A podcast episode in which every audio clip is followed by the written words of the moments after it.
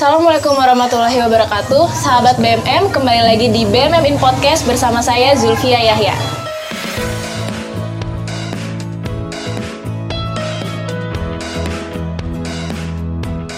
Dunia, bahkan Indonesia sedang menghadapi pandemi COVID-19 dan pandemi COVID-19 ini berdampak pada seluruh sektor yang ada di masyarakat, terutama bidang ekonomi. Saat ini saya sedang bersama sosok yang luar biasa. Beliau merupakan pengusaha dengan berbagai macam usahanya, yaitu salah satunya beliau merupakan pemilik dari Mitra Tani Farm atau MT Farm yang berada di Tegalwaru, Bogor, yaitu Mas Budi Susilo Setiawan. Assalamualaikum Mas Budi, apa kabar? Nah, Mas Budi, boleh cerita sedikit nggak sih? Jadi uh, saya sama teman-teman di sini memulai usaha basically dari peternakan domba. Jadi akhirnya sekarang bergerak berkembang menjadi integrated farming system, sistem pertanian terpadu berbasis peternakan domba. Nah, keterpaduannya dengan apa? Satu, selain kita bicara farm, kita juga bicara composting, kita juga bicara pertanian organik, kemudian kita juga bicara uh, pasca panen berupa olahan daging kambing yang kemudian diproses steril dikemas dengan kaleng, kemudian olahan kulitnya dengan pemberdayaan masyarakat kita bikin kerajinan dompet, tas, topi dan lain sebagainya. Dan dari situ juga ada edukasi sehingga berkembang menjadi agro edu tourism. Jadi dari basically dari peternakan domba ini mengembang ke arah edu juga dan mengembang ke arah tourism juga kunjungan-kunjungan. Nah, dari situ akhirnya kodarullah banyak orang yang ingin apa berdampingan ya, tinggal berdampingan di sini ya akhirnya kita bukalah apa properti ya properti dengan nuansa alaminya khas dengan alaminya ya alhamdulillah berjalan sampai dengan hari ini. Dan tentunya ini semuanya kita lakukan dengan satu uh, berbasis jadi optimalisasi potensi berbasis kearifan lokal. Itu prinsip yang selalu kita kembangkan bagaimana ketika kita berada di satu daerah maka tugas kita salah satunya adalah menggali potensi daerah itu. Setelah tahu potensi daerah itu kita optimalkan sesuai dengan kearifan lokalnya. Kira-kira sudah berapa macam jenis usaha nih? Ada berapa macam? Kalau dipisahkan satu-satu kurang lebih ada sembilan. Oh, ada sembilan, oh, luar biasa sekali. Ya. Itu dimulai sejak berapa tahun? Saya dari titik mulainya Kalau dari Kalau rintisan ini dari tahun 2012 ketika pertengahan dulu kami studi ya, eh, pertengahan kuliah waktu itu. Kemudian ketika lulus 2000 mah bukan 2012, 2002. Ketika lulus kami 2004, maka bismillah kita mendirikan Mitra Tani Farm. Filosofi dari Mitra Tani itu kami ini petani, kita ini petani, bagaimana uh, kita bisa menjadi mitra yang mutualisme karena selama ini kemitraan itu kebanyakan bukan mutualisme hmm. simbiosisnya itu komensalisme saya untung tapi petani tidak diuntungkan dan juga tidak dirugikan atau bahkan parasit. Saya untung tapi petani dirugikan. Nah simbiosis yang kita harapkan terjadi ini adalah simbiosis mutualisme. Jadi kita untung petani juga untung. Jadi biar bisa sama-sama senyum lah. Nah maka kita kasih nama mitra tani farm. Uh, berarti kan tadi kan Mas Budi bilang awal studi. Berarti emang Mas Budi dari awal itu kuliah di bidang kita uh, kuliah di bidang peternakan, oh, peternakan. Jurusan peternakan dan clear kami memancangkan patok waktu itu Bismillah bahwa kita merintis usaha sehingga kita ketika lulus itu berwirausaha. Oh, kan biasanya kalau orang habis lulus nih kalau dulu ya saya lulus beberapa tahun lalu ya saya lulus itu pengennya pokoknya saya harus kerja kantoran ini beda banget sama Mas Budi yang sudah berani Mas Budi dan teman-temannya khususnya ya sudah berani mengambil resiko besar yeah, untuk yeah. berwirausaha itu kan itu butuh apa ya keberanian ya Mas Budi yeah, ya? yeah. nah itu luar biasa banget nih yang Iya sebenarnya sama aja sih Mbak. Uh, mau bekerja mau berwirausaha itu karena tugas kita masing-masing bagian dari bersyukur. Maksud saya adalah ketika kita sudah dikasih tenaga dikasih waktu dikasih pikiran itu kita optimalkan. Kita optimalkan dengan apa? Ya dengan beraktivitas. Aktivitasnya berupa apa? Ada yang bekerja ada yang berwirausaha ada yang menjadi tenaga ahli atau ada yang menjadi lainnya tapi semuanya ini aktivitas yang dilakukan adalah konteksnya adalah konteks ibadah clear sebagai seorang muslim segala sesuatu aktivitas yang dilakukan karena untuk mencari Allah di situlah ibadah Maka di sini kita juga tidak bisa membeda-bedakan loh ini bagusan bekerja atau bagusan berusaha atau bagusan apa tidak bisa kita beda-bedakan. Tetapi yang kita ingin pastikan adalah waktu itu saya ingin memastikan bahwa saya merasa nyaman di bila usaha ini. Artinya kalau misalnya kenyamanan seseorang itu di ranah bekerja ya udah itu dioptimalkan. Kenyamanan ini indikasinya apa? Ketika sebuah aktivitas kita lakukan, kita merasa enjoy, kemudian kita bisa all out di situ, dan kemudian sesuai dengan uh, kapasitas kita sehingga kita punya daya saing, dan tentunya menghasilkan atau produktif, ya berarti di situ kita sudah nyaman. Oh gitu, berarti fokus ya mas ya, ya? fokus ya harus fokus. Uh, kadang kan kayak misalnya anak-anak muda zaman sekarang nih sahabat BMM juga mungkin merasakan ya itu masih pingin mencoba hal yang yeah, berbeda yeah, kayak yeah, gitu yeah. kan mungkin mulai sekarang kita harus tetap fokus di satu tujuan nah, kira-kira apa sih nah Betul. soalnya saya sendiri nih Mas Budi kalau boleh curhat gitu uh, susah untuk memfokuskan satu hal yeah, kayak yeah, masih yeah. mau coba ini coba itu yeah, yeah, kan yeah. kayak jadi gitu. jangan coba-coba jangan coba-coba ya sahabat BMM mulai fokus fokus satunya aja yeah, nah. yeah. Mas Budi kan tadi uh, banyak usaha-usaha juga kan yang dimiliki dan ini kan berbaur dengan masyarakat. Berarti banyak juga masyarakat yang seti yang bahasanya tuh Mas Budi tampung untuk bekerja di yeah. Iya. uh, usahanya Mas Budi gitu yeah, ya. Yeah, Itu betul. mereka masyarakatnya diberikan pelatihan juga dari awal atau yeah. gimana sih? Iya. Yeah. Jadi ketika kita hadir pada satu daerah, maka tentunya manfaat yang pertama kali harus diterima terlepas dari diri kita, hmm. ya adalah masyarakat sekitar situ, apalagi ring satunya ketika mereka merasakan sebuah manfaat dari kehadiran kita, ya secara alamiahnya pasti mereka akan menjaga kita. Itu kan psikologisnya begitu ya, karena mereka merasakan manfaat itu, bukan merasa terganggu. Dan kehadiran kita ini kan bukan untuk mengganggu, sebenarnya untuk memberikan manfaat sama-sama. Kita dapat manfaat, beliau-beliau juga dapat manfaat. Sehingga ketika kemanfaatan ini dirasa oleh masyarakat yang lebih luas, dan banyak yang ingin bergabung sehingga di situ kita mulai harus berpikir apa lagi yang harus kita optimalkan nih gitu. Artinya ya kita memohon kepada Allah bahwa ya Allah ini banyak apa ya banyak umat yang ingin ikut beraktivitas bareng sedangkan dengan kapasitas kita yang terbatas gitu ya. Andai jika memang uh, kita dirasa untuk diberikan amanah itu oleh Allah ya monggo silahkan dibesarkan saja. Tetapi jika memang ini bukan amanah bagian kita ya semoga diberikan jalan yang terbaik buat semuanya, buat warga juga, buat kita. Tetapi kalau kita ngelihat kultur masyarakat sekitar ini dengan adanya pertanian di sini, khususnya peternakan mereka support, mereka welcome, dan mereka juga tidak merasa terganggu secara umumnya ya, tapi tetap juga ada yang merasa terganggu, tetap, tetapi secara umumnya mereka tidak merasa terganggu dan merasa enjoy, dan bahkan mereka bilang digedein saja biar kita bisa lebih banyak ikut berkontribusi anak-anak kita, saudara-saudara kita, begitulah kira-kira. Ya, karena kan lahan pekerjaan kan saat ya. ini sangat sulit ya, apalagi Betul. di tengah pandemi COVID-19 ini mungkin sahabat BMM banyak banget yang berdampak, banyak perusahaan ya. atau usaha ya. bahkan UKM-UKM ini tuh banyak yang kolaps lah istilahnya tidak dapat bertahan lama karena yang tadi itu kan ya. pandemi bere berefek pada uh, sektor ekonomi. Nah, sebenarnya di Mas Budi sendiri juga berdampak nggak sih entah untuk usahanya atau misalnya kepada para pekerjanya seperti itu? Berdampak, Mbak. Kalau dirasa memiliki dampak ada. Uh, jadi gini, selama COVID ini ketika kita orientasinya kepada ketahanan pangan, kepada bidang pangan, iya biarpun sakit orang kan juga tetap makan ya. Jadi sepanjang sejarah manusia hidup pasti membutuhkan pangan dan pangan ini sangat erat keterkaitannya dengan bidang pertanian maka siapa yang berwirausaha atau bergerak di bidang pertanian secara luas, walaupun pandemi COVID, tetap bisa berjalan.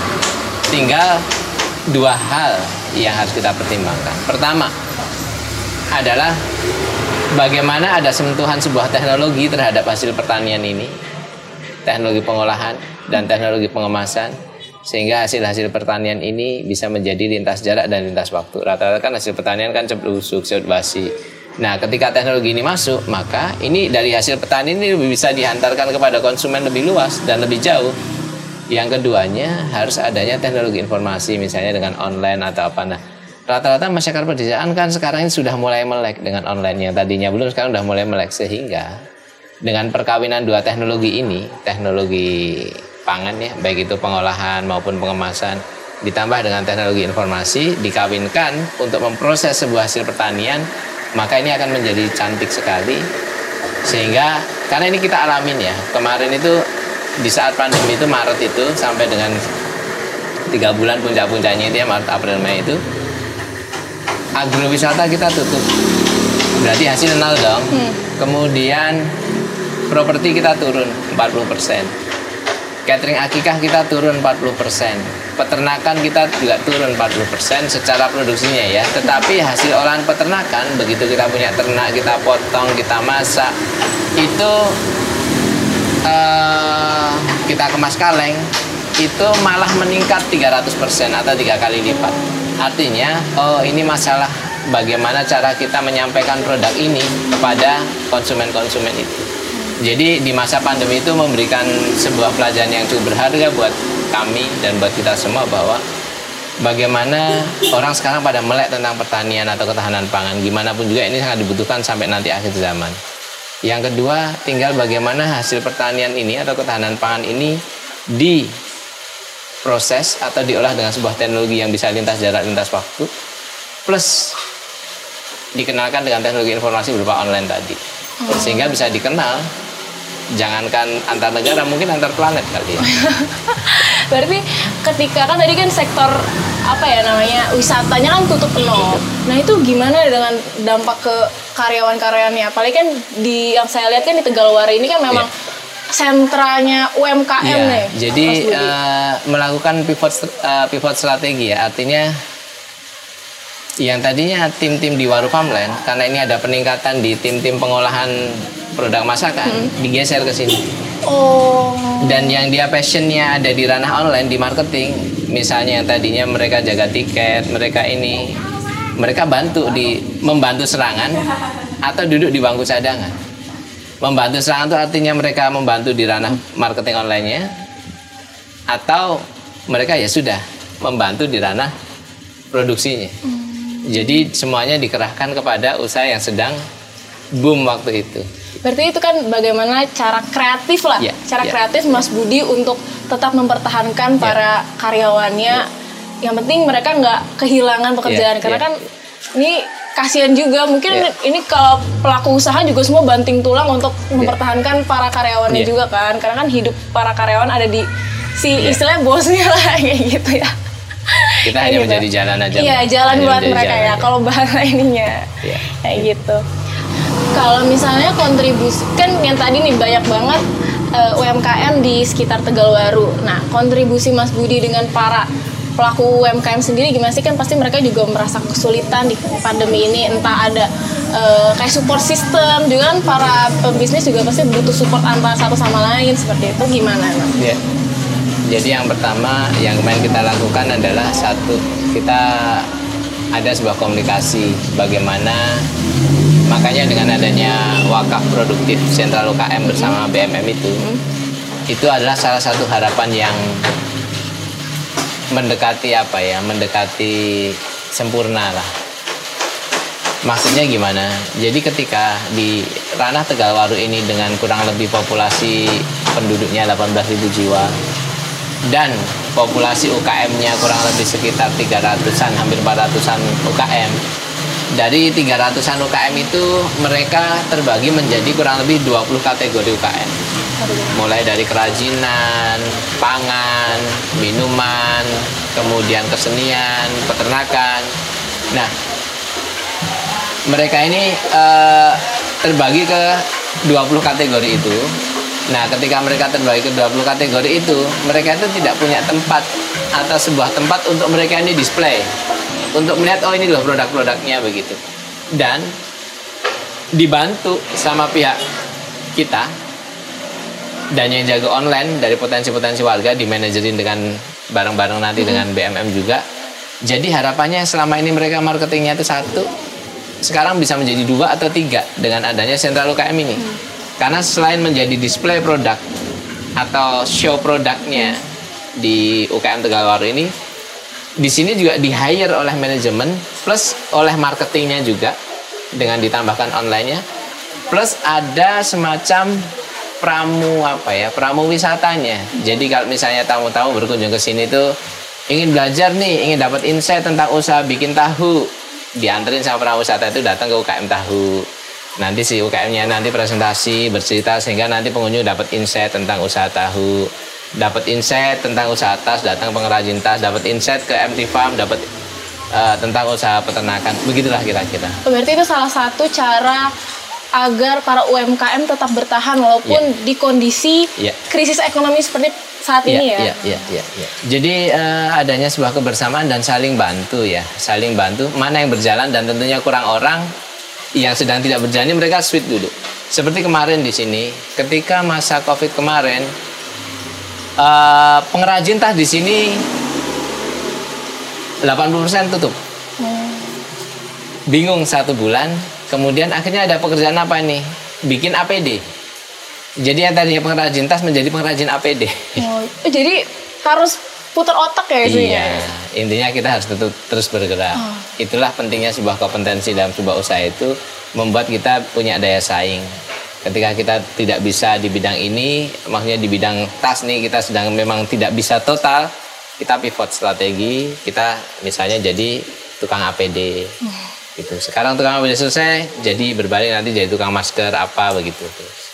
Berarti itu tergantung pada kemauan si pemilik usahanya juga ya Mas yeah, Budi ya. Yeah, Kalau yeah, misalnya yeah. mereka masih ingin tetap bertahan, yeah. mereka pasti akan terus berpikir Mencari, gitu yeah. kan dan mencari yeah. solusi atas yeah. Uh, keterpurukannya dia saat yeah. itu. Yeah. Nah, Mas Budi kan tadi sudah menjelaskan bagaimana kondisi saat ini usahanya Mas Budi dan bahkan usaha-usaha UMKM di sekitar tempat Mas Budi tinggal juga. Lalu juga sudah menjelaskan bagaimana cara Mas Budi untuk mempertahankan usaha Mas Budi. Nah, kira-kira ada nggak sih harapan ke depannya? Jadi kalau bicara harapan tentu kita harus punya. Yang pertama bahwa kalau visi kami bagaimana kita ini bisa menjadi salah satu loko buat gerbong peternak-peternak di Indonesia untuk bisa go internasional dengan from farm to table. Bagaimana menghadirkan produk-produk dari farm langsung tersaji kepada end user di seluruh dunia tanpa pengawet tahan tiga tahun begitu ya kalau bicara uh, si ke depannya. Dan harapan berikutnya adalah uh, tentunya dengan kondisi COVID seperti ini sangat memberikan pelajaran yang sangat berharga kepada kita semuanya bahwa kita ini manusia itu lemah, nggak berdaya apa-apa. Tapi biarpun lemah tidak berdaya, kita wajib mensyukurinya karena kita sudah diberikan sebuah akal, sebuah kesehatan, sebuah kesempatan. Nah, wujud mensyukurinya itu kita optimalkan. Masalah berhasil atau bahkan ketika gagal pun itu sudah apa ya? Sudah ada ketentuannya. Jadi yang selalu saya ingatkan buat diri saya dan mudah-mudahan ini bermanfaat buat sahabat-sahabat semuanya adalah kita perlu memperhatikan empat hal dalam setiap ikhtiar kita. Pastikan empat hal ini ada sehingga aktivitas kita itu ber, akan dipastikan berhasil dan punya nilai secara ukhrawinya. Yang pertama adalah dalam ikhtiar kita ini harus dipastikan berjalan dengan sebuah keyakinan. Jadi jangan setengah-setengah, jangan ragu-ragu. Keyakinan ini adalah keyakinan bahwa usaha kita bisa maju, usaha kita bisa berhasil, usaha kita sukses, usaha kita insya Allah diridai oleh Allah. Dan usaha kita ini baik tentunya. Yang keduanya adalah berusaha seoptimal mungkin. Jadi insya Allah, insya Allah dengan modal itu kita bisa uh, dijamin oleh Allah berhasil. Yang ketiganya adalah ilmu. Ilmu ini konteksnya apa? Kalau kita tidak tahu mau belajar, mau bertanya, dan kalau kita tahu maka kita mau berbagi. Mudah-mudahan dengan apa yang saya lakukan ini adalah bagian dari saya ingin berhasil, saya ingin berbagi sedikit pengalaman kami. Dan yang keempatnya yang kita harus wajib ada dan kebanyakan kita suka berat menjalankannya adalah sabar. Hmm. Eksistensi, komitmen ini kita ambil dari mana? Wal asr. Innal insana lafi khusr. Ilal ladina amanu wa amilu sholihat. Yakin, berusaha optimal, wa haq, saling nasihat menasihati dalam kebenaran. Saya bicara konteksnya horizontal ya, bukan vertikal ya. Artinya di sini ilmu, kemudian watawasau bersabar. Jadi kita harus sabar. Jadi ketika aktivitas kita ini mau berwirausaha, mau bekerja, mau jadi tenaga ahli atau mau jadi apa pun gitu, maka pastikan empat poin ini masuk dalam aktivitas kita sehingga insya Allah aktivitas kita ini sudah dijamin dalam kitab suci bahwa kita ini akan untung, akan berhasil. Jadi buat para teman-teman semuanya, eh, baik yang UKM, petani, peternak, siapa pun, masukkan empat value tadi ke dalam aktivitas-aktivitas kita, maka jaminan Allah adalah kita akan berhasil, akan sukses. Masya Allah. Jadi sahabat BMM yang insight hari ini yang saya dapetin adalah ketika kita mau memulai sesuatu, kita harus juga kembalikan semuanya kepada Allah ya.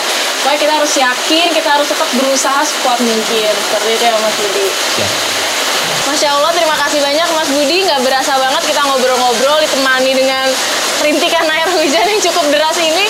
Kita mendapatkan banyak banget pengalaman atau insight-insight. Nah, untuk sahabat BMM, jangan patah semangat, tetap berusaha walaupun kondisinya sedang pandemi seperti ini. Insya Allah akan Allah berikan yang terbaik. Nah, sebelum ditutup, jangan lupa nih mau ngingetin buat sahabat BMM untuk like, subscribe, dan komen di channel YouTube BMM. Tinggal search Baitul Mal Muamalat, lalu klik subscribe dan aktifkan loncengnya. Terima kasih untuk sahabat BMM. Sampai jumpa di BMM in Podcast selanjutnya. Wassalamualaikum warahmatullahi wabarakatuh.